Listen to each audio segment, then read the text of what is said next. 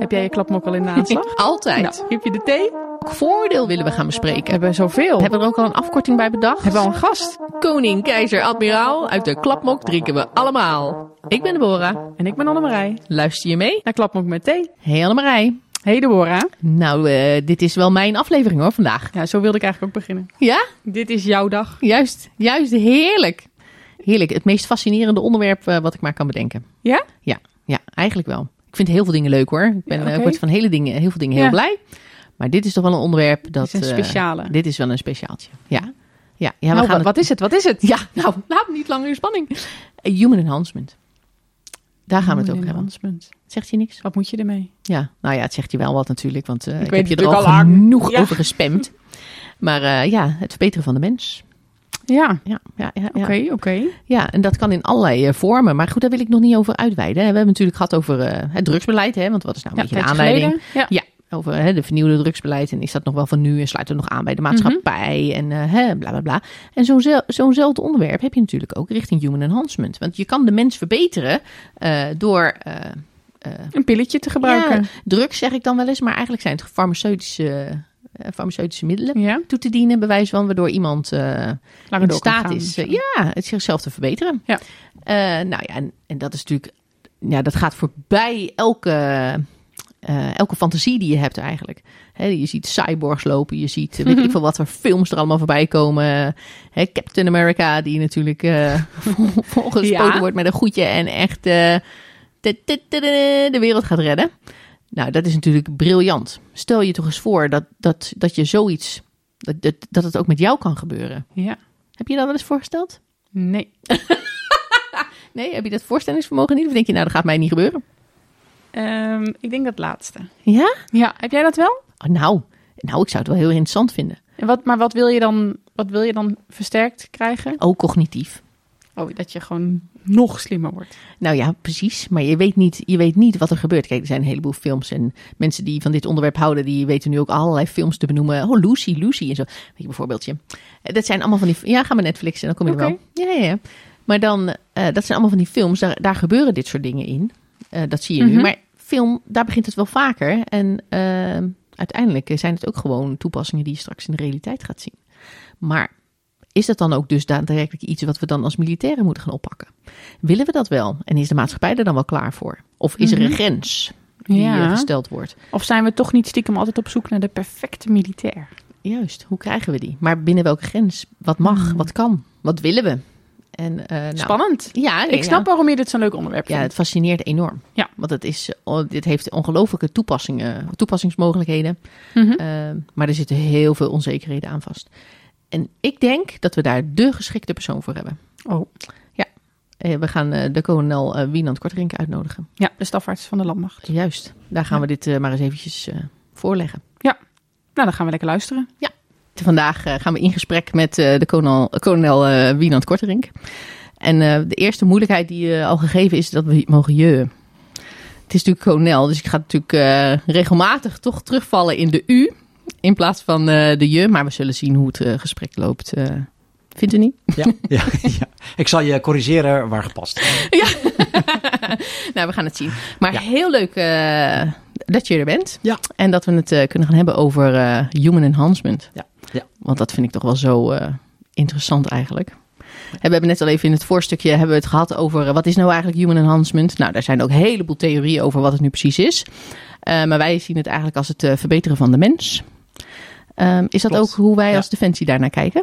Ja, dat is nog een beetje persoonlijk. We hebben geen defensie eh, beeldvorming of beleid of, of eh, eh, hoe heet dat eigenlijk, omschrijving van de thematiek. Nee. Dus we zoeken nog naar het juiste woord dat een beetje acceptabel is en wat we ook snappen. Ja, dat acceptabel is wel interessant eigenlijk. Hè? Ja, zeker. Ja, human enhancement klinkt heel eng of klinkt eh, misschien wel eh, bijna illegaal of zo, hè, of onethisch. Ja. En, eh, en ik kan me ook voorstellen dat mensen zoeken naar van wat is dan voor mij acceptabel en wat vinden wij als organisatie dan nog. Dus dat, dat maakt het thema heel moeilijk. Mhm. Aan de andere kant is het, zoals jullie zeggen, eigenlijk niet meer. De mens versterken. Nou, dat doen we toch alle dagen. Ja, eigenlijk wel. Eigenlijk wel. Maar, maar ook als Defensie hè, zijn we er natuurlijk al een aantal jaar dat we het tegen het onderwerp aanschuren, om maar zo te zeggen. Hè? Want we, het staat al jaren in, eh, in de SKIA, hè? De stra- wat is het, eh, de strategische kalender. eh, Een innovatieagenda. Juist, hoppakee. Ja. Hè, daar waarin eigenlijk zetten we daarin eh, wat we eigenlijk willen gaan doen hè, met, de, met de bedrijven om ons heen en met kennisinstituten eh, in samenhang. Hè, waar, gaan we, waar gaan we over nadenken? Nou, en dit is een van die onderwerpen, is dan human enhancement of ja, we noemen het wat anders, omdat het dan wat inderdaad wat meer ethisch is of eh, minder eh, gevoelig of, of wat dan ook. Hoe noem je het verder dan? Nou, we hebben het bijvoorbeeld over human performance enhan- enhancement. Ja, Of, eh, sustainment en enhancement. Dus, dus human performance en sustainment enhancement. Om het nog moeilijker te maken. Juist, en vooral ook duidelijk om te kijken waar we het dan over hebben. Ja. Precies. Maar wat, wat zijn we nu aan het doen als Defensie hiermee? Wij ehm, ehm, hebben in ieder geval proberen het sinds eh, een jaar of vijf nu op de kaart te krijgen. Ook als thema waarover we over mogen praten. En ook om mee te nemen in een soort strategische richting van... eh, we moeten bepaalde taken kunnen uitvoeren die ehm, of hoog in het geweldspectrum zitten... of zwaar zijn of soms gevaarlijk zijn of eh, saai zijn enzovoort. Heel, allemaal wat we tegenwoordig zeggen wat met robotica opgelost kan worden, kan niet altijd. Ehm, en soms moeten mensen het gewoon kunnen uitvoeren. En dan is het werk nog steeds gevaarlijk. eh, dangerous, dull or... eh, nou ja, dat riedeltje. En eh, dan moet je toch in staat zijn om het te kunnen doen. Ja, dan moet de mens beter zijn, omdat anders de mens risico loopt. Onze soldaten en soldatinnen. En dat betekent dat je, ja, zo'n ander woord hebben we niet. Ehm, en dat betekent dat je goed na moet denken, hoe kunnen we die mensen het beste hun werk laten uitvoeren? Nou, goede schoenen, ehm, VOS, hè, personal protective eh, material, zoals eh, scherfvesten, is eigenlijk ook wel een beetje human enhancement.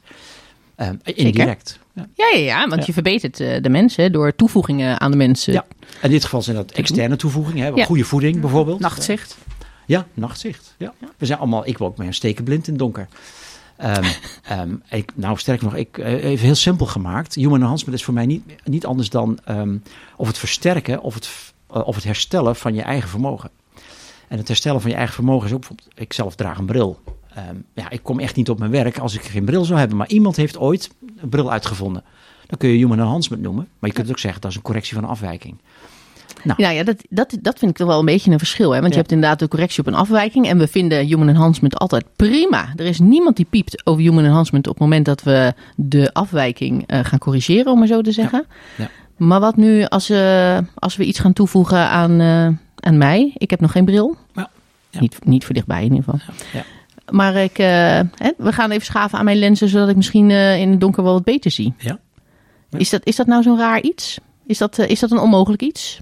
Het is niet, op zich niet onmogelijk. Ik denk, te- technologisch misschien nog wel, hè, maar technisch denk ik is het voorstelbaar dat we dat heel snel al kunnen. En Ja. ik denk ook dat het nu al kan. In dit geval dan bijvoorbeeld. Hè. Ehm, ehm, maar de vraag is of je dat dan wil en of je het voor jezelf acceptabel acht. Dat is die ethiek erachter. En sommige mensen zeggen, nee, dat is voor mij een grens. Want eh, we, we zijn zoals we zijn. Hè. We zijn op de wereld gezet, eh, geschapen eh, zoals we zijn. Ja, ja. Ehm, en, en dat is goed. Dat, zo, dat, dit ben ik en dit heb ik meegekregen. En ja, dan doe je het ermee. Je zou ook kunnen zeggen, nou, als ik dan toch een kwaadaardige aandoening krijg, dan is dat ook het lot dat mij overkomt. En toch zetten we dan meestal alles op alles met medicijnen die door Ja. iemand zijn uitgevonden. Die ik nooit zelf had bedacht op, de, op het geitenpaardje achter mijn huis. Nee. Eh, dus eh, iemand heeft mij geholpen om toch weer beter te worden. In dit geval letterlijk beter. Ja. Nou, is dat human enhancement? Ja, indirect wel, vind ik. Want zonder dat was ik niet in staat geweest om te overleven. Of, nou, of om, om überhaupt eh, zeg maar, mijn kinderen op te kunnen voeden als- als je in die levensfase zit. En dan kan het ineens weer wel door een medicijn. Ja. Dus ik vind het een glijdende schaal. En eh, de vraag is natuurlijk op, eh, hoe hard omlaag glijdt zo'n helling af. En waar je voor jezelf de grens zet op die helling. Ja. En eh, ik denk dat dat heel belangrijk is, ook als organisatie, juist als, als overheidsorganisatie en defensie. Dat we goed moeten nadenken over die, die grens aan die helling en hoe stijl die helling is, voordat we er echt afglijden. Het mag geen zeepbaan worden. denk ik. Maar mag een organisatie daar dan wel over beslissen? Mag je als organisatie zeggen, dit vinden wij, dit vinden wij prima en dit niet meer? Hmm. Nee, ik denk dat uiteindelijk is dat een maatschappelijke discussie. Ehm, eh, dus als organisatie kunnen we niet gaan zeggen, wij vinden het normaal dat wij eh super soldiers hebben of zo. Dat is echt een, een maatschappelijk thema wat eh, in onze samenleving ingrijpt. Dat, dat, dat verwacht ik. Ja? Ehm, dus ik denk dat er ergens ook een politieke discussie is. Vinden wij dit nodig en acceptabel? Ehm, eh, toepassen hè, dan. Ja, ja, ja. Maar het kennis opdoen is natuurlijk een heel ander verhaal. Want wij als Defensie moeten ons ook voorbereiden op een mogelijke dreiging. Ja. En die dreiging zit onder andere op human enhancement in. Dus dat de maatschappij misschien wel verder gaat. Of de- gezondheidszorg misschien wel verder gaat. Of de behoefte van de mens wel verder gaat. Dan dat wij politiek of militair acceptabel vinden. Ja. En dan gebeurt het toch. we, we als Defensie hebben wij geen belang bij eh, eh, botox of geen belang bij implantaten voor, om er mooier uit te zien. Sommige mensen vinden dat ik heb mijn, mijn, mijn zelfbeeld verbeterd. Ik heb mijn human enhancement gedaan. Ja. Eh, ik zie dan iemand die heeft uh, siliconen ergens in zitten of zo. Allemaal ja, lippen keus. als knakworst eh, zie ik wel eens voorbij komen. Hè? Dat, Die eh, Donald Duck gezicht. Juist, En, eh, dat vinden we allemaal mooi ja. tegenwoordig. En dat moet allemaal kunnen. Ja, en is dat nodig? Zo zijn we echt niet geschapen. Je wordt echt niet beter of, of niks van. En toch is dat geaccepteerd. Ja. Het is nog net niet vergoed door de zorgverzekeraar. Maar Nee. Dus ook- daar is al een glijdende schaal gaande. En dat zie je ook op het gebied van interventies, eh, bijvoorbeeld in presteren. Eh, topsporters die gebruiken doping. Dat is verboden. Hebben we ook Kan toch helemaal gezegd. Dat kan niet. Het gebeurt wel. Ehm, en er zijn ook voedingssupplementen die een, eh, waarvan geclaimd wordt dat ze een, een werking hebben op bijvoorbeeld beter herstel. Of eh, die je prestaties verhogen. Nou, misschien werken ze wel. Maar dan is het toch een soort doping. Ja, maar het is pas doping op het moment dat het op de dopinglijst Ja. komt te staan. En tot die tijd is het gewoon... Mag het? Mag het. Ja. ja. Ja. Dus het is altijd een red race tussen wat de wetgever gaat verbieden... omdat wij een bepaalde ethische restricties opleggen... op wat wij betamelijk achten. En wat iemand heeft bedacht wat voor de wet uitloopt. Ja, precies. En wat ik wel, wat ik wel heel erg interessant vind, is even, even terug naar het begin. hè. Ehm, zegt, ik, ik vroeg eh, van joh, eh, moet dan Defensie, eh, hè, is Defensie die het dan bepaalt? En u zegt van nee, dat is toch echt een maatschappelijk vraagstuk. Maar gaat dan de maatschappij bepalen of ik gebruik maak van, van mezelf verbeteren? Of eh, hè, van medicijnen of van drugs? Of van wat dan ook, waardoor ik prestatieverhogend is? Of Ja. bepaal ik dat zelf als individu? Ja, als, als individu, als lid van de maatschappij... kun je veel meer zelf bepalen dan als medewerker bij Defensie, denk ik. Ja, kan, kan, kunnen we dadelijk in een situatie komen dat Defensie eh, mij op gaat leggen dat ik bepaalde supplementen moet eh, opeten om eh, prestatieverhogend eh, eh, ja, eh, zijn. te Ja. zijn? Ja, Ja. precies. Ja. Wat ben ik dan eigenlijk? Ja, ik denk, dat, dat lijkt me heel... Dat lijkt me onethisch. Dat, dat we je dwingen om iets te doen wat je niet wil. Eh, maar het kan wel zijn dat de militaire ambtenaar nu niet gelukkig. Hè, dat, ja. De, dat de wet ambtenaar Defensie bijvoorbeeld zegt ook... u moet een verplichte vaccinatie voor uitzending. Ja, dat wilde ik net zeggen, ja. Ja. En dat is in feite indirect human enhancement. Want zonder dat zou ik ebola, Buik, buiktyfus krijgen. buiktyfus, ja, of Ja. corona of, of zo. En nu heb ik een vaccin en nu ben ik me- meer beschermd, dus minder besmet, besmettelijk of minder bevatbaar. Ja, is dat human enhancement? Ik ben wel sterker geworden, mijn afweer is beter geworden. Zeg maar. En ook daar hebben wij dus geen dwingende maatregel, want je mag altijd in bezwaar gaan. Je mag zelfs ontslag nemen. Als, je, als het niet anders lukt, anders helpen we je wel. Nee, maar, dat, maar is, dat dan, is dat dan de criteria? We zeggen, we zeggen of je doet het of je neemt ontslag. Weet je hoe? Ja. Vind Dat ik ook heel zwart-wit. Ja, precies. Dat is geen keus natuurlijk. Nee. nee. Ja, er is altijd een Er is altijd een keus. Is een keus. Ja, Ja. maar als je, als je het werk wil kunnen doen en je wil op uitzending. Kijk, je kan inderdaad aan de commissie gewetensbezwaren als je geen vaccinatie wil. Mhm. Maar ja, dat heeft dan ook consequenties natuurlijk. ja, dat kan. Ja. Ja. Ja, want hoe hebben we dat op dit moment geregeld dan? Op het moment dat ik nu zeg van eh, hè, ik wil niet gevaccineerd worden voor eh, weet ik veel wat. Wat nu verplicht is, of ik wil überhaupt niet gevaccineerd worden, hè, want mijn lichaam is zoals die is, zo ben ik geschapen. Ja. Eh, en als ik, eh, als ik een bepaalde ziekte krijg, dan is dat zo. En dan is mijn lichaam er zelf voor om dat te herstellen, of niet. Ja. Stel dat ik die geloofsovertuiging heb. Ja. Of, of, of wordt er dan tegen mij gezegd, maar als dat jouw geloofsovertuiging is, dan past dat niet bij het zijn van militair. En Hmm. eh, hoe goed je ook denkt dat je bent, jammer jong. ja, dan ben je ongeschikt. Ja. Niet zo geschikt. In ieder geval, dat kan dan uiteindelijk de conclusie kan zijn. eh conclusie zijn, ja. En, en het kan best zijn dat als je nog niet militair bent en je zegt, ja, maar oh, ik ben heb wetensbezwaarden om geloof of om gezondheidsredenen of whatever overtuiging. ehm, dat men dan zegt, oké, maar dan kun je beter niet solliciteren, want dit gaan we wel van je eisen. Maar als je al eenmaal binnen bent en je zegt, ja, ik begin er toch moeite mee te krijgen. Of ik heb, eh, ik heb een goed boek gelezen en ik, en ik vind het toch echt heel bezwaarlijk om nog een vaccin te nemen. Dan moet je een gewetensbezwaar aantekenen. En dat kan wel betekenen dat je niet uitzendbaar bent. En als je dan tijdelijk niet uitzendbaar is, helemaal niet erg. Eh, maar ik krijg een soort aantekening hè, van de, vanuit de. En dan prima. Maar meer jaar of, of de volgende uitzending weer. En altijd moet je collega dan die uitzending of die inzet opvangen. En jij blijft lekker op kantoor ongeveer. Ja, dan zeggen we op een gegeven moment, nou, u bent langdurig niet inzetbaar. En dan gaan we naar een, eh, naar een afkeuringsgrond. Kijk, en dat is het lastige nu met corona. Hè? Want Ja. corona is, ehm, zit niet in de lijst van de vaste vaccinaties die we allemaal moeten hebben. Maar die zijn gekoppeld aan bepaalde uitzendingen en oefeningen. Dus dan is het iedere keer, iedere keer ben je tijdelijk dienstongeschikt. En dat wordt dan weer opgeheven als dan bijvoorbeeld die oefening weer voorbij is. Dus daardoor zit je, is het dan nog niet zwart-wit. En worden er eigenlijk, zoals nu staat, nog geen definitieve Mhm. maatregelen genomen als je je niet laat vaccineren. Maar dat geldt natuurlijk wel voor die lijst met die vastgestelde vaccinaties die wij allemaal moeten hebben. basispakketten en aanvullende vaccinaties wel. Hè? En ook daar kun je bij zweetsparen tegen hebben. Maar ook daar zul je zien dat het de keuze kan zijn. We nemen je toch niet mee op inzet. Omdat je, wij je ge- gezondheid niet kunnen garanderen. Want we hebben je onvoldoende kunnen beschermen. En we weten dat eh, de situatie waarin je daar gaat ook niet in staat is om je te helpen als het misgaat. Voor corona bijvoorbeeld, als je naar... eh, nou, maakt niet uit welk land gaat. En er is daar weer heel erg corona. En we hebben weer code donkerrood of zo. En de ziekenhuisbedden liggen vol. En jij krijgt toch corona. Ja, dan, wij hebben geen opvang. Hè? Wij, we, kun- we kunnen geen IC-bed met beademing meenemen. Het- Ook niet op een eh, missie met een, met een hospitaal, veldhospitaal, rol 2. Daar zit dat niet in. Dat kan wel. Iedereen kan op zo'n bed liggen en ook beademd worden. Maar dan ligt gelijk de tent vol. En dat betekent dat de rest niet meer geholpen kan worden. En als je nu gewoon op oefening gaat in Zuid-Duitsland en eh, je krijgt corona. Dan lig je, als je pech hebt, en dat is niet onreëel, lig je in een ziekenhuis op een bed waar eigenlijk iemand anders had moeten liggen misschien. Of, nog gekker, ehm, iemand anders met gewoon een gebroken been. Die had wel geholpen kunnen worden, maar jij ligt er drie weken aan de beademing. Dan lig je op iemand anders bed eigenlijk op dat moment. Nou, dat, dat vinden wij zo vervelend en bezwaarlijk. Ook omdat we niet kunnen garanderen dat jouw gezondheid goed komt. Dat we je dan beter niet mee kunnen nemen. Dat is dan die afweging die dan gemaakt wordt. En dus mis je wel de nuttige en leuke dingen. Ja. Om het maar even zo te zeggen. Nou ja, precies, dat is ook weer zo. Maar ik wil even weg van eh, corona Ja. en, eh, en vaccinaties. Hè, Ja, want maar- dat is maar wel natuurlijk... goed om eh, dit eventjes behandeld te hebben. dat vind ik zeker. Het lijkt wel een juridisch... Ja. Het is gewoon een, ik ik indirect juridisch boekje. Nou, heel goed, heel Ja. goed. Dat mag ook af en toe. Ja. Blijft Nou, je ziet ook heel goed, hè, want wat ehm, eh, ethische bezwaren, die gaan natuurlijk heel gauw tegen een juridisch kader aanlopen. Of tegen een besluit van de Tweede Kamer, of maar wat. Hè, of tegen wat aan jouw rechtsgrond raakt. Dus het dwingen, dat vind ik typisch iets, dat, dat is niet eens medisch of ethisch of zo, dat is gewoon juridisch. Ja. Dat gaan wij echt niet doen. Nee, nee, ja, precies. Precies. Maar toch even terugkomend op, eh, hè, op wat wij nu doen als eh, Defensie. Hè, we zijn op dit moment eh, zijn we nog geen spannende dingen aan het doen. Nee. Denk ik. Nee. Maar we zijn met name bezig met kennis vergaren. We zijn Ja. om ons heen aan het kijken wat er gebeurt. We zijn... wat doen we met die kennis? Op dit moment ehm, zoeken wij naar de kennisbasis. We hebben ook een onderzoeksprogramma lopen bij, bij onze prime supplier hè, van het kennisdomein, in dit geval TNO. Eh, om te kijken wat betekent, wat is nou eigenlijk human enhancement en welke domeinen zijn daar nu zo van belang? Waar gaat het hard? Of wat gebeurt er internationaal al waar wij ons op voor moeten bereiden?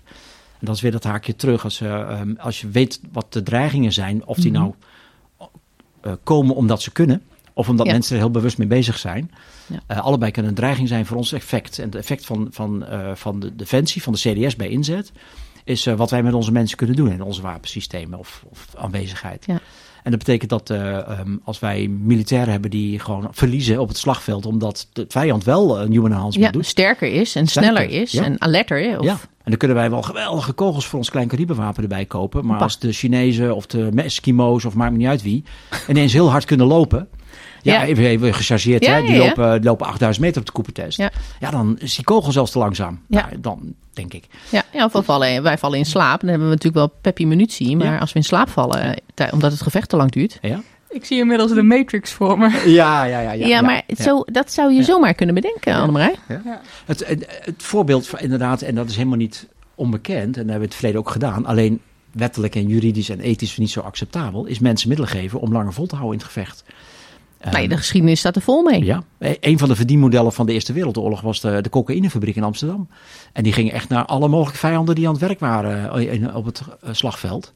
Eh, vriend en vijand, want wij waren neutraal, dus daar hadden we geen onderscheid in. Dat is beter voor de handel toen de tijd. Ja, heel koopmansgeest. Juist. Ja, heel goed. Ehm, en dat zit natuurlijk ook voor een stuk in een morale boost. Hè? Als je fatsoenlijk vers eten krijgt, of weet dat de commandant geen domme beslissingen maakt. Ja, dat, ook dat is human enhancement, want je fighting spirit gaat omhoog. En het is Ja. zo simpel al. Ja. Ja. En dat doen we al wel. Hè? De Ja. fighting spirit motiveren. Ja, precies, precies.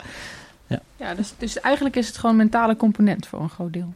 Dus mentale, fysieke, Maar ook technologische fysiek, ja. componenten. Ja, bijvoorbeeld exo- exoskeletten en dat soort dingen. Dan Ja. hebben we het echt over de fysieke. Ja, farmaceutische, hè, dus ook zeker eh, waar naar gekeken wordt. En dan ook nog eens de biologische, de genetische. Eh, dat zijn ook domeinen waar je zeker naar kunt kijken. Maar ook implantaten of eh, data heel snel kunnen verwerken. eh, Nou, noem maar op. en ja, ja, welke en- voorbeelden? Oh, sorry. Ja, ik dacht dan nog te denken aan, eh, want dat doen we toch ook al. Dat je ehm, iets kan, ehm, een pilletje of zo'n dingetje kan inslikken. En dat je dan ook je lichaamstemperatuur meet. Ja. Bijvoorbeeld met hitteletsel en Ja. zo. Ja. En dat beïnvloedt nog niet. Nee, de- de dat meet alleen maar. Dat meet alleen. Maar En- je kan er dan wel op op anticiperen of Ja. op, op tijd op reageren. Exact. En dat, dat, dat hè, kun je een sensortje aan je huid hangen, maar dat is een indirecte meting, want het gaat bij hitteletsel, hè, wat we toch heel veel zien, hè, van, van Curaçao tot eh, inzet in, in nou, het Midden-Oosten. Ja, en- en- en maar ook zo. opleidingen. Gewoon, opleidingen. Ja. In Nederland, uh, verzin maar wat. Hè. Ja.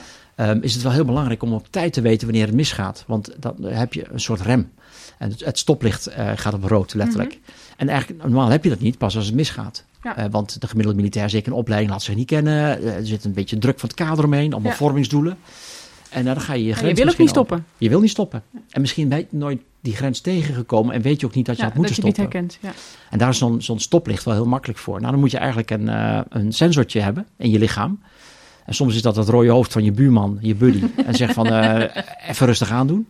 En de andere keer eh, weet je het gewoon niet. Dan lig je al in de greppel ongeveer. En dan heb je echt een levensbedreigende aandoening als je niet uitkijkt. En dat kan zomer en winter gebeuren. Mhm.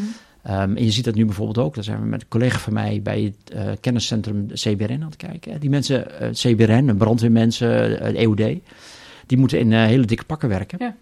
En daar kunnen we niet in.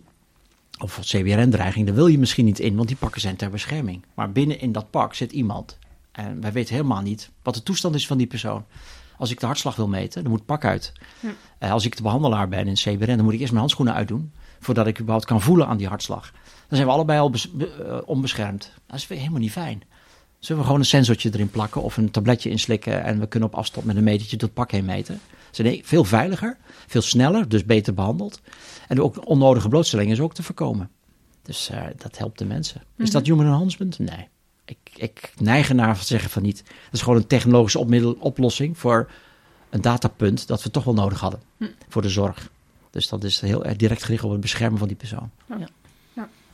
Ja, zie ik ook niet als, eh, als human enhancement. Dat is gewoon een technologische eh, mogelijkheid die we nu hebben. Ja, Als we die twintig jaar geleden hadden, dat, hadden we dat ook gedaan. hadden we het ook gedaan. Ja hoor, ja, ja. dat Ja. zie ik niet Ik als... denk dat je eh, pas aan human enhancement komt, is dat je, ehm wijze van spreken, een, ehm verzin maar een sensor in je lichaam hebt, die automatisch gaat zorgen dat je lichaamstemperatuur onder de 41 graden blijft.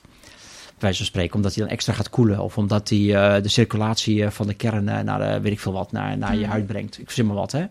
Een soort aan-uitknop, een switch, een bimetaaltje, bij wijze van spreken, die gaat voor gaat zorgen dat je de juiste dingen doet. Afkoelen, in, in, rustig in de schaduw zitten. Dan zou je het, lichaam zelf hebben versterkt, het proces van de mens. Ja. Dus, en dat komt ook wel, denk ik, aan een aardig onderwerp. Je ziet het namelijk ook in automatische eh, eh, intelligentie, in wapensystemen. Wij willen toch graag de mens in de, in de loop houden. Ja.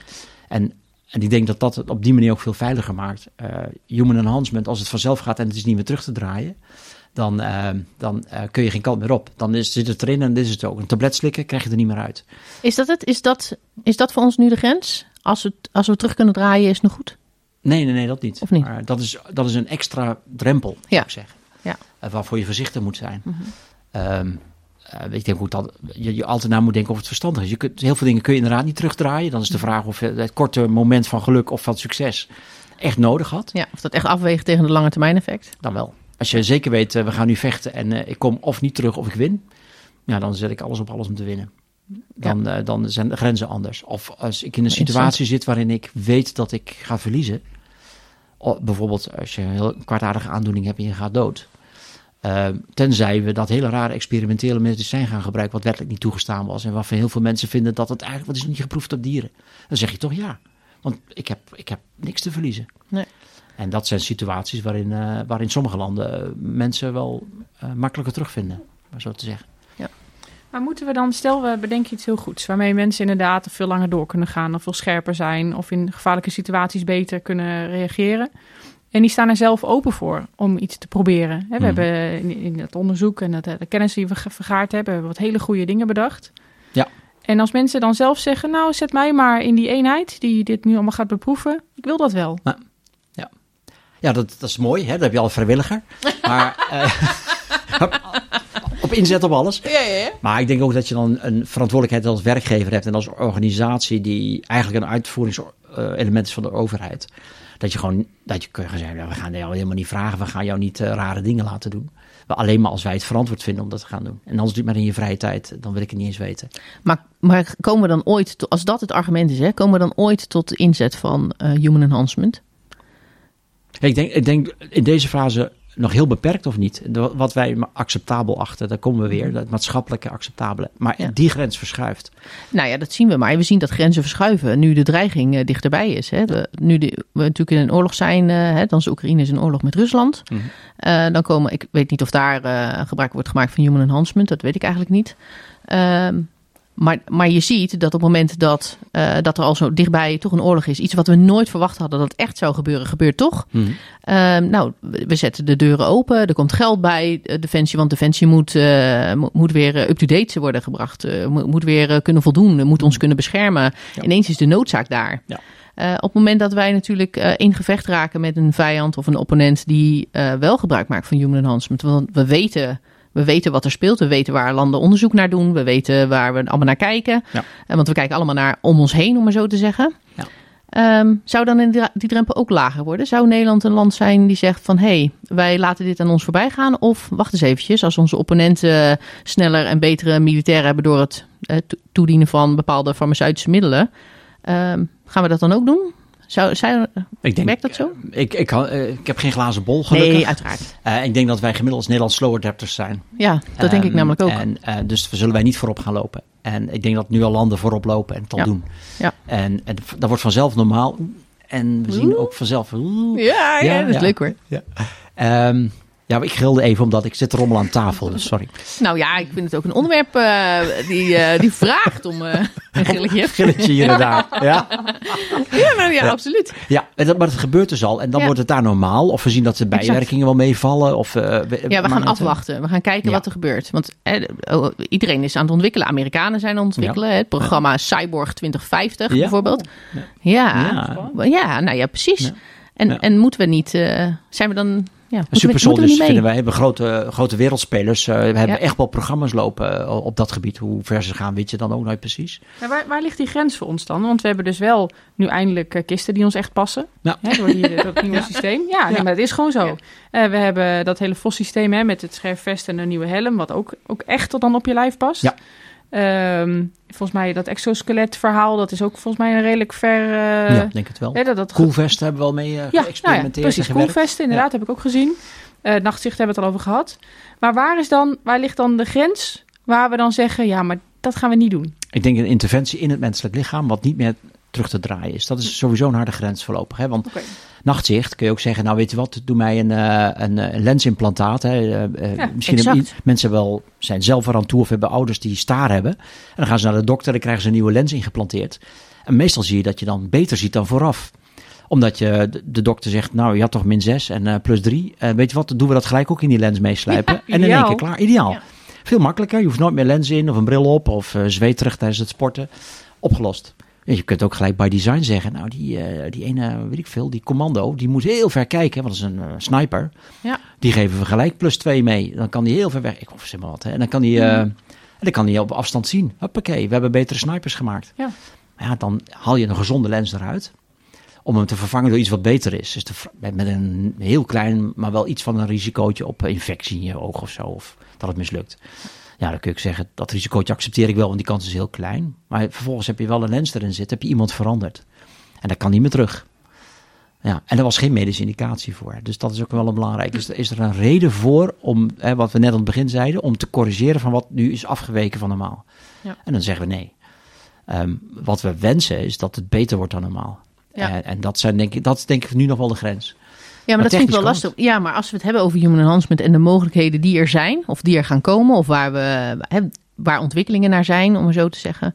Ehm, ik denk dat we een keer die grens moeten gaan schuiven. Ja, ik denk dat hij Want binnen anders- tien jaar gaat schuiven. Ja, maar En- dan wachten we dus eigenlijk totdat het maatschappelijk, totdat ik, totdat ik zelf al naar de opticien toe ga of naar de oogarts en zeg: Ik wil zelf eh, wat verder weg kijken dan nu. En ik wil een correctie en ik wil eigenlijk dat je hem iets beter corrigeert. Want ik vind het wel fijn om iets verder te kunnen kijken. Ja. Past wel bij mijn werk. Ja.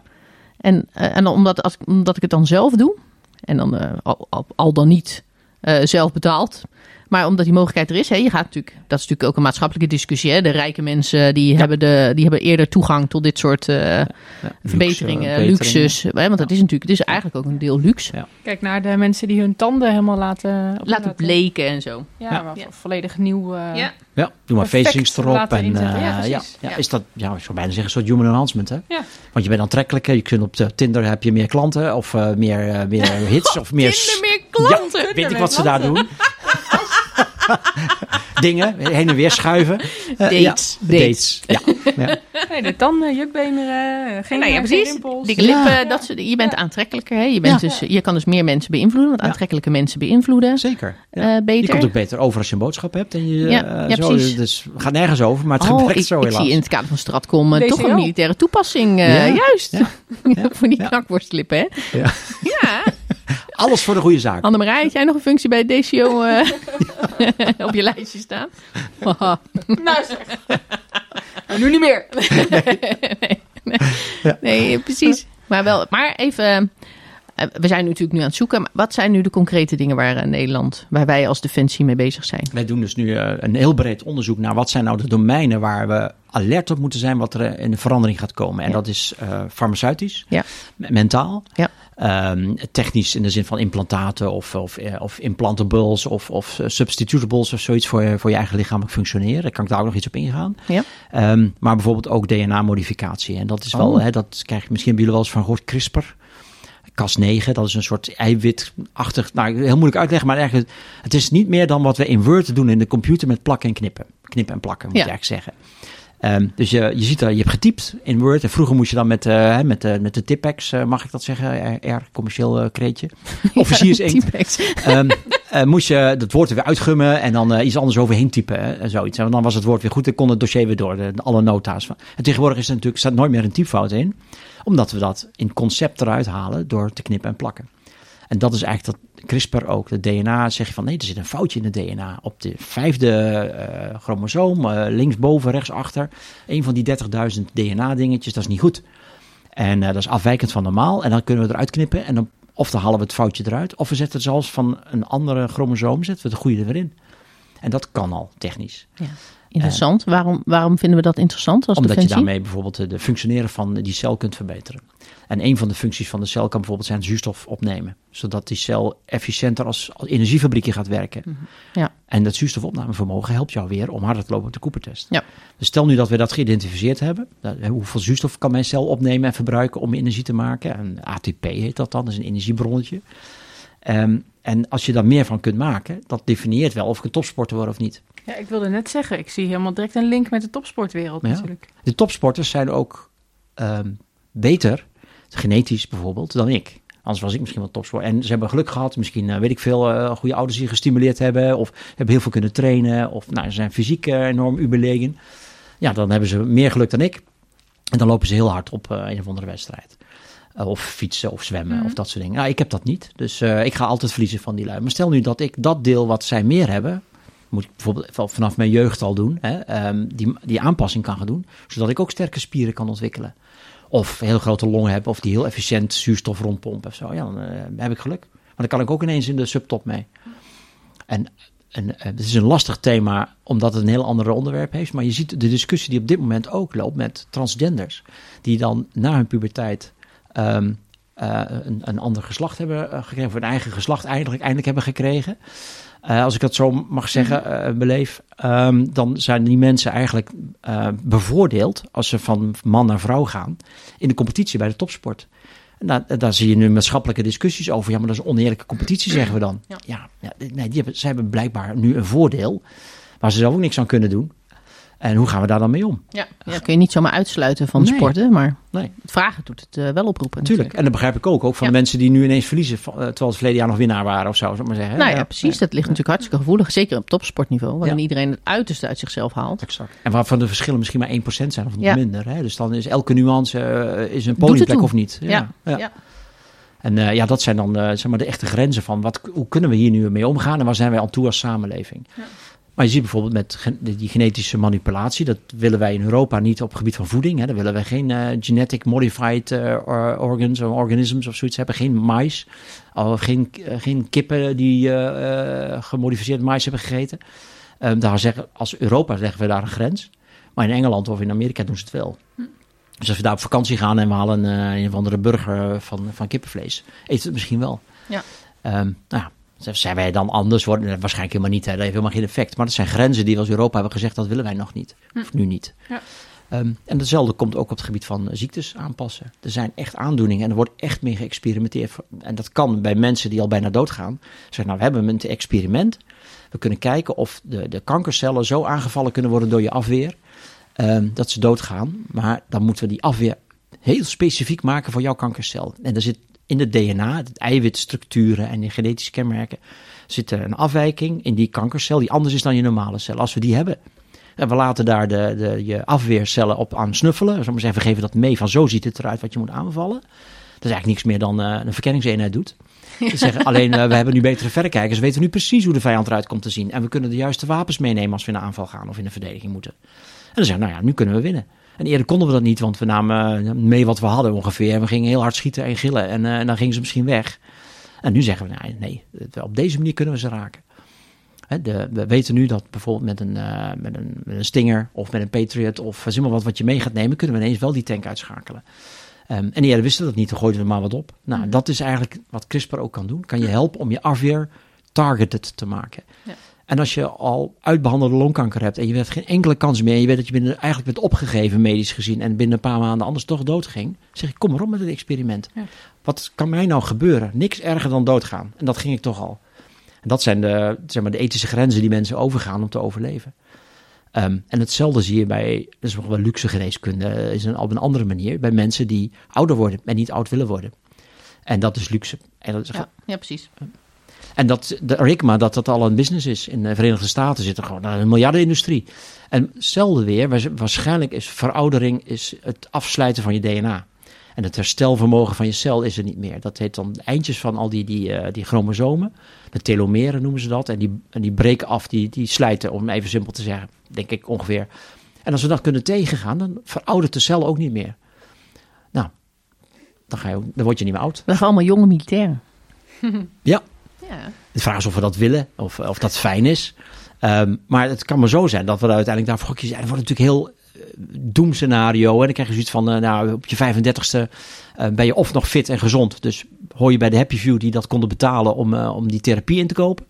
Of anders word je gewoon afgeschreven, want dan ben je een oude rimpelige zak en ga maar weg. Ja. Ehm, eh, ongeveer, dus je krijgt dan straks een hele rare scheiding in de maatschappij als je niet uitkijkt, Ja, vind ik. precies. Eh, maar iets positiever kan ik me ook wel voorstellen. Ja. Ja, ook fijn. Kan ik me ook voorstellen dat als wij mensen hebben die eh, bijvoorbeeld ledematen zijn kwijtgeraakt, of die dat al bijvoorbeeld van het, eh, vanuit geboorte hè, al een arm is of zo, Mhm.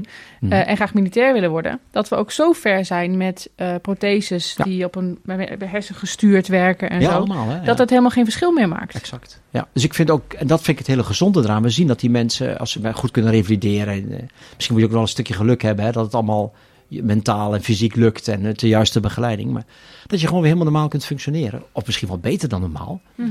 De, de- misschien een slecht voorbeeld, maar de, de Runner Blade Man, of weet die meneer ook alweer. Ja, Ja, de, die- de Blade Runner. Blade Runner, ja. Nou, die liep toch echt wel beter dan ik ooit zal lopen, waarschijnlijk. En ook Ja. sneller en harder. En, eh en hij krijgt ook geen last meer van shinsplints.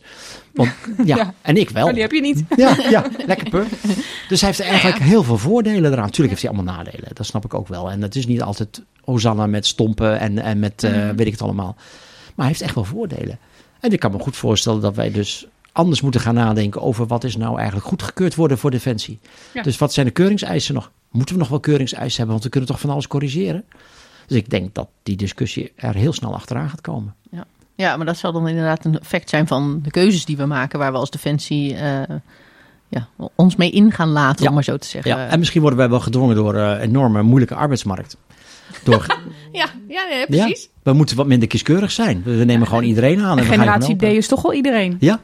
ja. maar generatie D is inderdaad, maar is niet disability, hè? Dat is dan. eh, Nee, nee, daar doen we dan wat aan. ja. Juist. Dus, dus het concept van eh, disability bestaat dan misschien helemaal niet meer. En dat Nee. vind ik wel gezond. Want het is gewoon wat jij wel kunt met jouw vermogens. En sommige vermogens kun je erbij kopen of kun je, kun je leren. En sommige gaan we je bij helpen. En sommige dan laat het gewoon bij omdat wij dat voldoende vinden. En uh, daar kun je prima mee functioneren. Ja, ja oké. maar dit, dit vind ik dan allemaal weer acceptabel. Hè? En gezien vanuit iets wat we niet kunnen, dat gaan we dan nu wel kunnen. Of uh, iets wat er kapot was aan jou, dat gaan we nu weer maken. Ehm, kijk, het is natuurlijk veel interessanter dat ik met mijn gezonde benen uh, ook harder wil gaan lopen. Ja. En, uh, en je zegt, jij zet ze er maar af, want uh, ik wil gewoon winnen. Juist, geef mij die blades ook maar, want dan loop ik wat harder bewijs van. Nou, dan gaan we natuurlijk een hele ethische grens over, Ja. waar we nog niks mee, waar we niks mee kunnen. En ik weet ook niet of we ooit die kant op gaan natuurlijk. Ik weet het ook niet. Ik denk dat je Maar- altijd wel een... een, een um, Maar met die, nou, maar die lenzen in je ogen, daar zou ik, daar, dat, dat zou voor mij zou dat al een minder grote stap Ja. zijn dan het zeggen, nu hak je onderbeen eraf, want eh, je krijgt nu blades, dan ga je harder. Ja. Dat is voor mij dan, eh, maar voor mij dan toch weer een, eh, En een grens. In die lenzen, daar zet je dan direct ook een systeem in dat je ook mee kan kijken. Hè? Ja. Dat je dan direct je, ook je Ja. sensor hebt Ja. op het veld en zo. Dan Ja. eigenlijk die F35 is dan gewoon dat mens. Ja. Ja. Ja. Dan sla je dan ook direct ergens op en zo. Eh, precies. Ja, precies. Ja. Oh, En, is de mens niet uiteindelijk goedkoper dan al die eh, robots en robotica ontwikkelingen die we zien? Ja, misschien wel. Ja, ja, ja. ja. En, en je krijgt dus ook ehm, eh, met intelligence krijg je hetzelfde ook. Hè? Dat is uiteindelijk, we zitten allemaal van ja, maar artificial intelligence en die robotica, allemaal van die moderne kreten, die, die drukken de mens weg. Of eh, we, we worden niet meer relevant. Er zijn uh, doemscenario's, dat eh, eh, iRobot-achtige scenario's, hè, dat wij als mens straks gewoon eh, de pet worden van, eh, van de robots. als ze al eh, eenmaal zo snel zijn dat zij hun eigen intelligentie kunnen onderhouden of verbeteren. Ja, dan, eh, dan, dan, dan worden wij wel een secundaire garnituur. Ehm, Jazeker. ja, maar we kunnen ook zeggen, nou, hoe kunnen we nou pairen? Hoe kunnen we nou interactie plegen met die, eh, met die eh, eh, robot, zodat wij samen sterker worden? Ehm, en het kan dus bijvoorbeeld zijn dat je wel nadenkt over implantables in je, in je hersenen of in je ogen. Dat je heel snel communiceert met een robotplatform. En onze beperking is misschien dat we nog wel moe worden, of dat we moeten eten, of dat we gaan staken. Oh, dan mogen we als ambtenaren van dit wensen niet. Maar sommige mensen gaan staken omdat ze meer salaris zouden willen. Een robot staakt niet. De robot heb je ook echt geen arbeidsvoorwaardenresultaat nodig. Behalve misschien op tijd, eh, weet ik veel, olie of zo. Ja, weer aan de stroom hangen, de Ja. interne batterij weer op te laden. Ja. Of, eh, maar misschien doet hij dat ook wel automatisch. Hebben we dat ook zo Ook dat ingeregeld? ja. ja. dat hebben we allemaal Maar als je, als je de mens kunt versterken zelf, ja. Dan, dan, dan hebben we een, een slag gemaakt. Eh, stel nu dat wij wel naar ehm, eh, autonome wapensystemen gaan. Een drone met een machinegeweer erop of zo.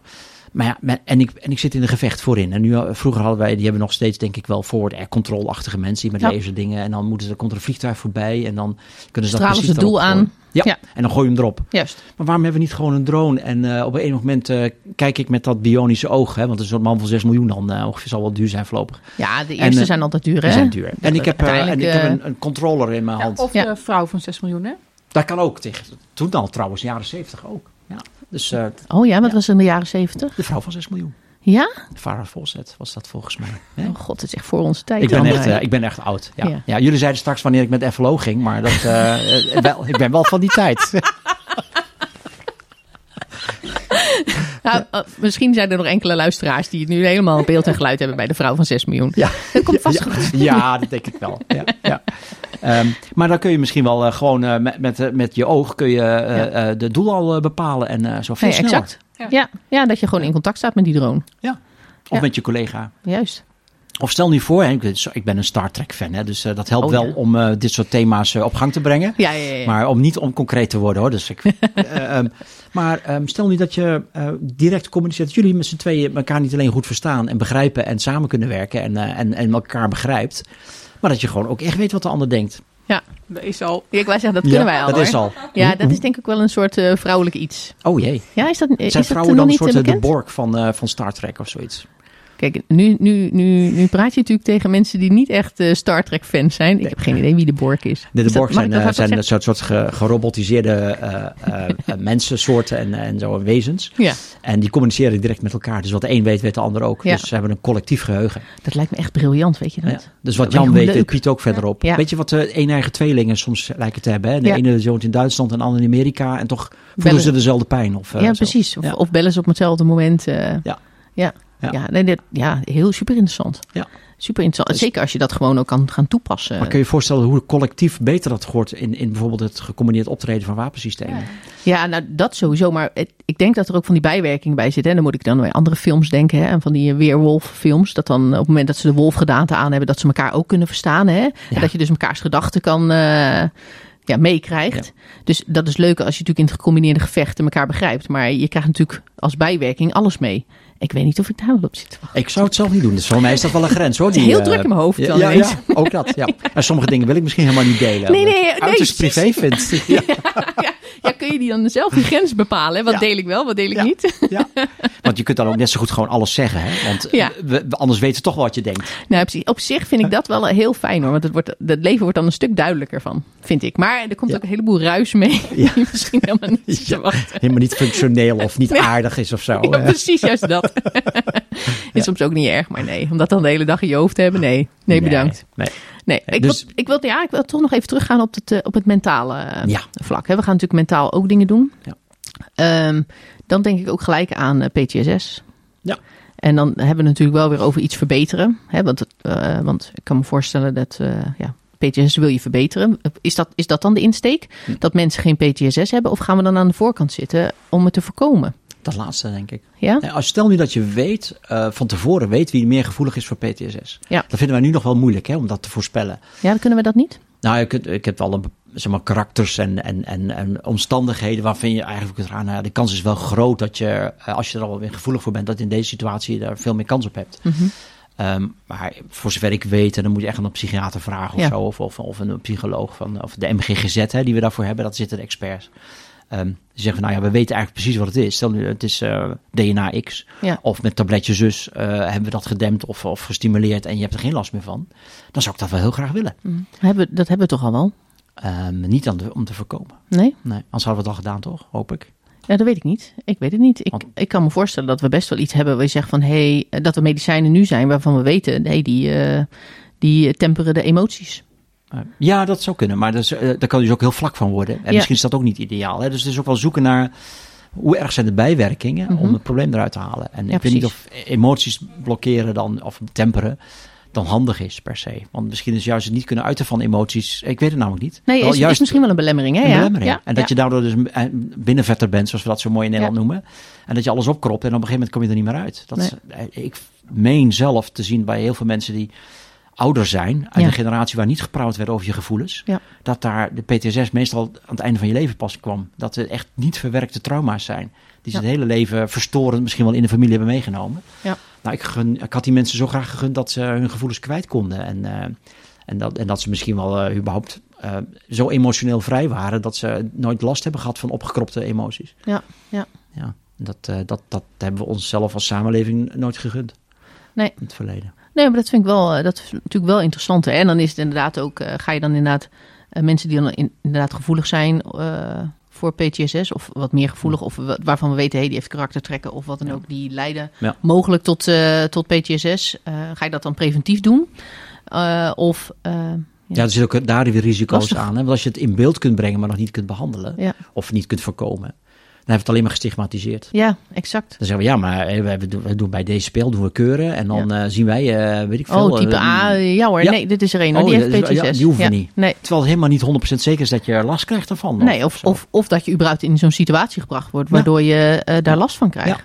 Ja. En, en eh, risico weren willen we ook niet. En Nee. dat hoort ook niet, vind ik, bij keuren. Dus de- ja, we nemen het zoals het is. Ja. En als je op dat moment geen aanwijzing hebt voor enorme problemen, Mhm. dan neem je het toch gewoon aan. Kom er zelf erbij. Ja, dat, ja, precies. We hebben je nodig. Ja, natuurlijk. en dit- waarschijnlijk heel, veel- heel goede aanvulling met al je eigenschappen. Ja.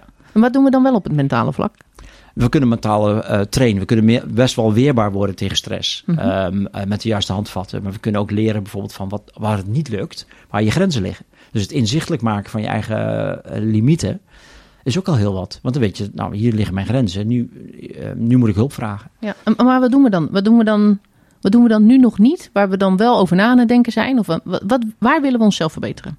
Ik denk op elk vlak willen we ons verbeteren. Bij TGTF wil men, eh, nu, TGTF is onze sportafdeling, hè, dus trainingsfysiologie. die zich ook echt kijken naar hoe kunnen wij het prestatievermogen van de militair verbeteren. En dat zit eh, traditioneel altijd op, op eh, sport. Ja. En, eh, en, eh, en, en fitness en, en op training voor inzet en dat soort dingen. Daar zijn heel druk mee. Maar Tegentief kijkt nu ook naar prestatiepsychologie. Hoe kunnen we onder druk van het presteren toch de goede prestatie leveren? Want die druk van het presteren zal het mogelijk omlaag brengen. Je bent eager om te winnen, of je bent heel gespannen omdat het gevaarlijk is. Ehm, en dat is de, de, de niet-permissieve omgeving. Ja, dan eh, hoe kunnen we dat of versterken, of hoe kunnen we op tijd in beeld krijgen dat je daar eh, misschien wel hulp bij nodig hebt, of waar je grens is.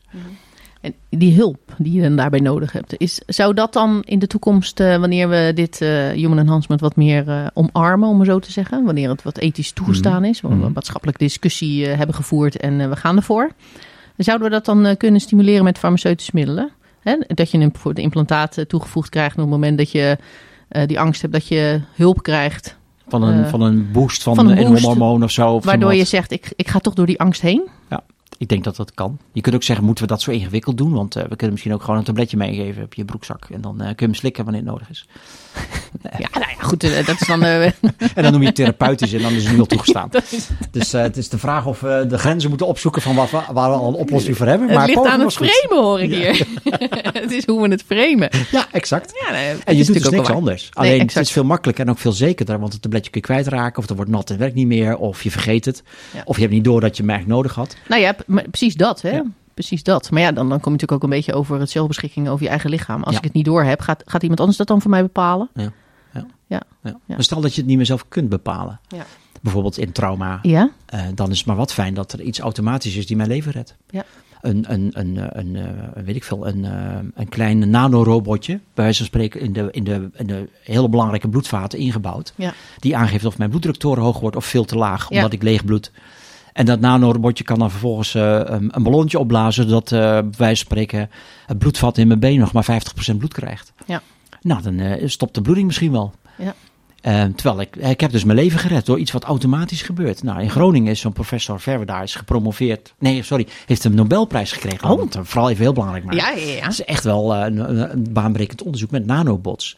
Die eigenlijk door het lichaam kruipen en, en, eh, dingen meten en dat soort dingen. Dat is niet zo'n heel grote stap meer weg dat ze misschien ook dingen kunnen gaan doen. Nee, Nou. precies. Geef ze wat mee. En, eh, Ja. Ja. Geef Tot targeted medicine bijvoorbeeld. Hè. We, Ja. eh, In de gezondheidszorg kun je ook zeggen, ik heb een bepaalde tumor en die zit in een deel van mijn lichaam. Moet ik nou chemotherapie door mijn hele lichaam spuiten? Ja. Of heb ik dan straks een slim robotje dat gewoon mijn lichaam ingaat en weet, op, op, het zit in de lever, het zit in die kwap. Oh, wacht even, daar zie ik rare cellen, dan ga ik me daar mijn, mijn chemo loslaten. Ja. Dat wordt natuurlijk al gezocht, hè? interoperatieve chemotherapie. Dat doen we allemaal nu nog, want therapeutisch. Ja. Ik kan ook zeggen, nou, eh, geef mij maar zo'n robotje. En zodra ik ergens kanker begin te ontwikkelen en ik heb twee cellen die kwaadaardig gaan worden, Ja. zet het maar gelijk bovenop. Heb ik een veel lagere dosering nodig. Dus vroeg diagnostiek wordt dan ook veel mogelijker, omdat we snellere sensoren hebben die direct reageren. Ja. Maar nu moeten we wachten tot we klachten krijgen en naar de dokter gaan. Nou ja, het wachten tot we ziek zijn. Ja. En dan eh, worden we beter gemaakt. Ja. Maar we kunnen het dus ook inderdaad voorkomen. Of, nou, je, we kunnen natuurlijk legio... eh, we kunnen natuurlijk eindeloos filosoferen met alle militaire toepassingen die we hier nu bij kunnen bedenken. Ja. Hè, op het moment dat je gewond raakt op het gevechtsveld. Maar we moeten de, de drijfveer, denk ik, zie ik heel veel gebeuren in wat men wil. Ja. En wat vanuit de gezondheidszorg steeds verder ontwikkeld gaat worden. Want daar is een commerciële markt voor. Hè? Ja. De gezondheidszorg is nou eenmaal eh hoop business. Ja. Ehm, en de mensen hebben er behoefte aan. Dus dat Ja. drijft zichzelf vanzelf naar eh, grenzen van onze ethische eh, ehm, eh, ehm, acceptatie. Ja, er is dadelijk misschien helemaal geen ethisch vraagstuk meer. Omdat het, om- omdat het geen vraagstuk is. Want het, het gebeurt al. Het, eh, het Ja. is er al. Ja. ehm, ja. Ja. En, en, en het is dadelijk heel normaal dat we dingen gaan toepassen om onszelf te Ja, verbeteren. en daar moeten we ook als samenleving eh, eh, die grens voor- voorzichtig opzoeken, aftasten en ook eh, stellen. Ja. En eh, ik ben op, zich dus heel blij dat eh, bijvoorbeeld in de Tweede Kamer hier bewust vragen over gesteld gaan worden. En eh, men ook restrictief is en geïnformeerd wil zijn. Wat doen jullie, eh Ja. defensie, viespeuken? Ja, nou Nou, ja. dat is helemaal niet zo, maar we moeten ook heel transparant daarin zijn. En ik vind het goed dat daar eh, grenzen aan zitten van wat wij als maatschappij wel en niet willen. Ja, ja. Ehm, altijd beseffende dat eh, andere landen andere morele kompassen hebben. Ehm, en dat hebben we in het verleden ook gezien, hè, in alle Ja. oorlogen. Van de, van, we begonnen er gekscherend over, maar eh, de Tweede Wereldoorlog zijn er ook echt morele grenzen overgegaan. En iedereen Ja. vond dat schaalbaar, stapsgewijs. Het zal wel, eh, eh, geen ruimte meer voor tegenwoord. Eh, dus de Ja. mensen worden monddood gemaakt die er Ja. wel wat van vonden. En als we zo'n samenleving gaan krijgen, ook op het gebied van bijvoorbeeld human enhancement, dat is heel gevaarlijk. ja. Nee, ik denk niet dat we dat moeten willen. Dan moeten we We moeten over in gesprek kunnen blijven. Nou, dat vind ik een hele mooie afronding. Moeten we stoppen? Ja. Ja, ik weet dat Deborah, die kan hier nog dagen over doorgaan. Ja, Want die, die wordt hier heel Ja, enthousiast van. Ja, en wie niet inderdaad. Nee, ik- het is wat, inderdaad ook echt heel interessant. Ehm, en ook heel leuk, al die verschillende dingen, tot en met Star Trek wat we hebben en de Matrix wat we hier hebben Ja. aangeraakt. Dus eh Ja. nee, kolonel, heel hartelijk dank voor het gesprek Heel graag gedaan. en alle informatie. En eh, we gaan hier lekker over doorfilosoferen. Ja, heel veel plezier erbij. En succes met jullie eh, podcast. Bedankt. Ja, is wel iemand die heel enthousiast is over dit onderwerp, net als jij. Ja, precies, precies. We moesten gewoon ook stoppen van jou. Ja, het was tijd. eh, ja, ja, dat is ook wel zo. Ik had, nog wel, ik had er nog wel eventjes... eh, ik had nog wel uren door kunnen gaan. Dat maar ja, had goed, ik in de gaten, zelf ook. Ja, ja, ja, ja. ja. Nee, maar wel ehm, erg interessant. Ja. En ik denk voor mij ook wel iets concreter. Oké, maar weet je wel, waar hebben we het dan over? Ja. Met human enhancement. Mhm. Wat kunnen we dan om die, eh, om die militair zo optimaal mogelijk zijn ding te laten doen? Waar zijn we mee bezig als Nederlandse defensie? Hè? Ja. Waar en, kijken we naar? ja, en wanneer is nou eigenlijk, wanneer ga je die grens over? Ja. Hè, want die was, eh, even wat ik eruit heb gehaald, met name als je dus echt iets intern of met iemands lijf, of hè, wat Mhm. je, als je echt iets aan iemand gaat veranderen, waar geen medische noodzaak voor is. Ja, vind je dat de grens overgaan? Ja. Ik, maar voor mij ligt de grens eh, bij eh, of het eh, nog eh, onomkeerbaar is, zeg maar. Oké, ja. Weet je, of iets nog terug te draaien, draaien ja, valt. dat vind ik ook wel een goede, ja. Dat, hè, want, want je, kan best iets, iets... Ja, je kan best iets nemen. Ja, ja nee, maar aan iets Nee. aan iemand veranderen. Dus dat je bijvoorbeeld... Of ja, iets, die, maar dat is de gaat- CRISP waar die natuurlijk ook uitleg over gaf. Hè? Dat je die DNA allemaal kan wijzigen. Ja. En als je daarmee dus zwaktes of ziektes eruit Ja. kan halen. En ik ben heel Hmm. benieuwd. Ik ben heel benieuwd of als Defensie daar ooit actief mee aan de slag zullen gaan. Ja. Ik vraag me af. Wel rete interessant om te volgen en te kijken waar dit, eh, waar dit naartoe gaat. Mhm. Ehm, je denkt niet dat we naar een cyborg leger gaan? Ik zeg eh, nooit nooit. Ik weet dat de Hm. Amerikanen zijn daarmee bezig. Om eh, daar natuurlijk allerlei testen te doen. Hè. Die hebben, wat ik al zei, die hadden het programma Cyborg eh, 2050. Ehm, ja, en wat eruit naar voren komt. Ik zit allemaal lawaai te maken. Sorry. zeggen, wat hier allemaal buiten Ja. komt.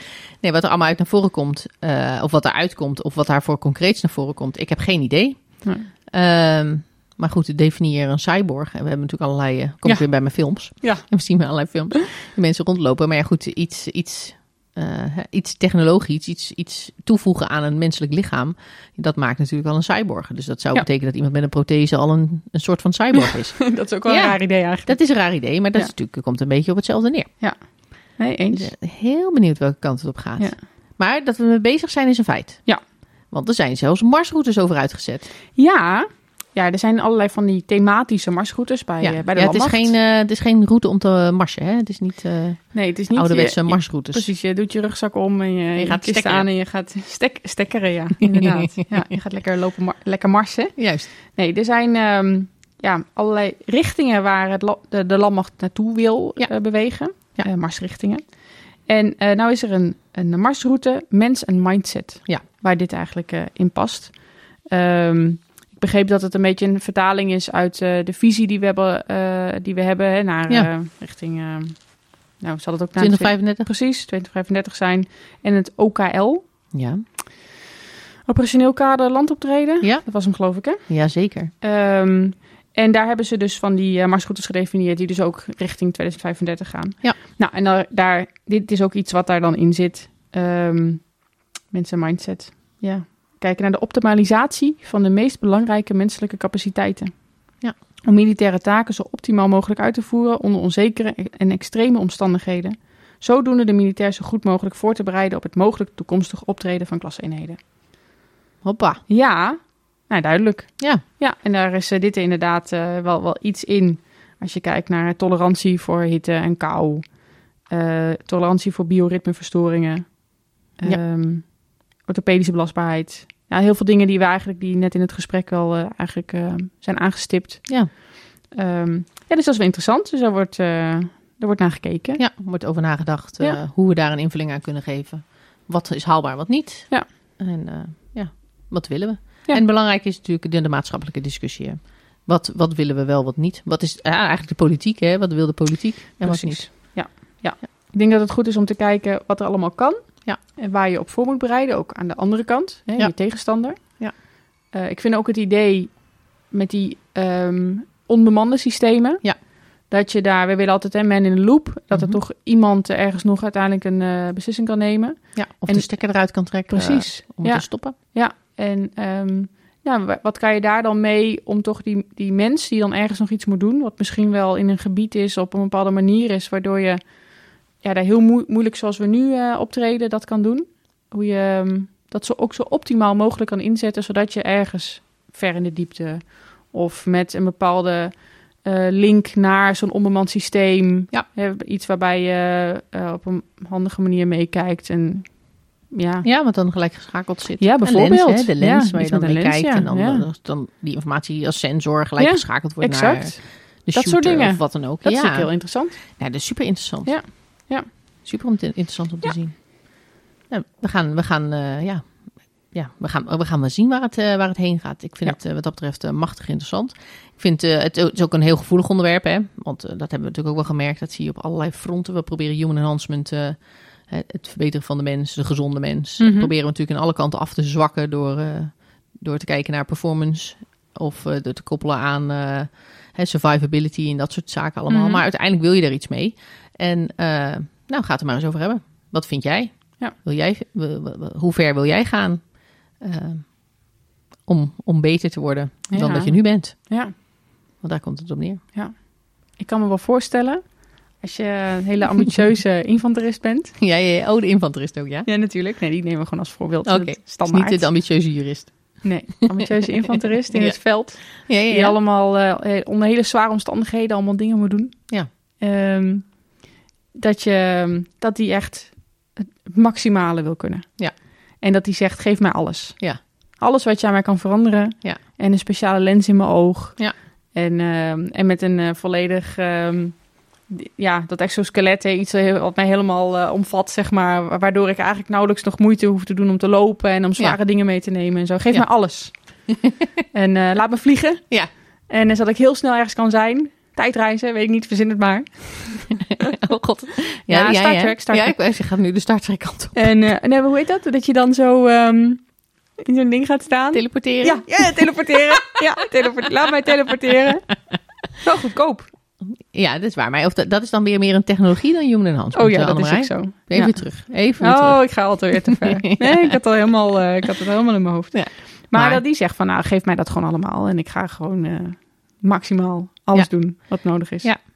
Nou ja, dat denk ik ook. Er zullen vast wel mensen zijn die dat heel erg interessant vinden. Maar je moet natuurlijk wel in je achterhoofd blijven houden. Is het, is het eh, omkeerbaar? Hè? Kun, je de, kun je het ook nog zonder straks? En wat betekent het voor je? Op het moment dat je dit allemaal doet. Wat doet dit op de lange termijn met je? Ehm, hè, kun je op die manier nog wel functioneren in een maatschappij waar dat allemaal helemaal niet is? Ja. Ehm, ja, dus weet je, het is niet, het is, het is, het is, het klinkt natuurlijk allemaal fantastisch. Mhm. Maar als je dan morgen, als je het morgen allemaal uit kan doen en af kan doen, dan denk ik, ja, dat snap ik. Ja. Maar, als wat als het het, niet meer kan? zit, ja, ja. wanneer als je dat niet Als het kan. jou veranderd heeft. Juist. Wat Ja. doet dat met je? Want je bent een sniper en je kan nu alleen nog maar op zoveel honderd meter heel scherp zien. Ja.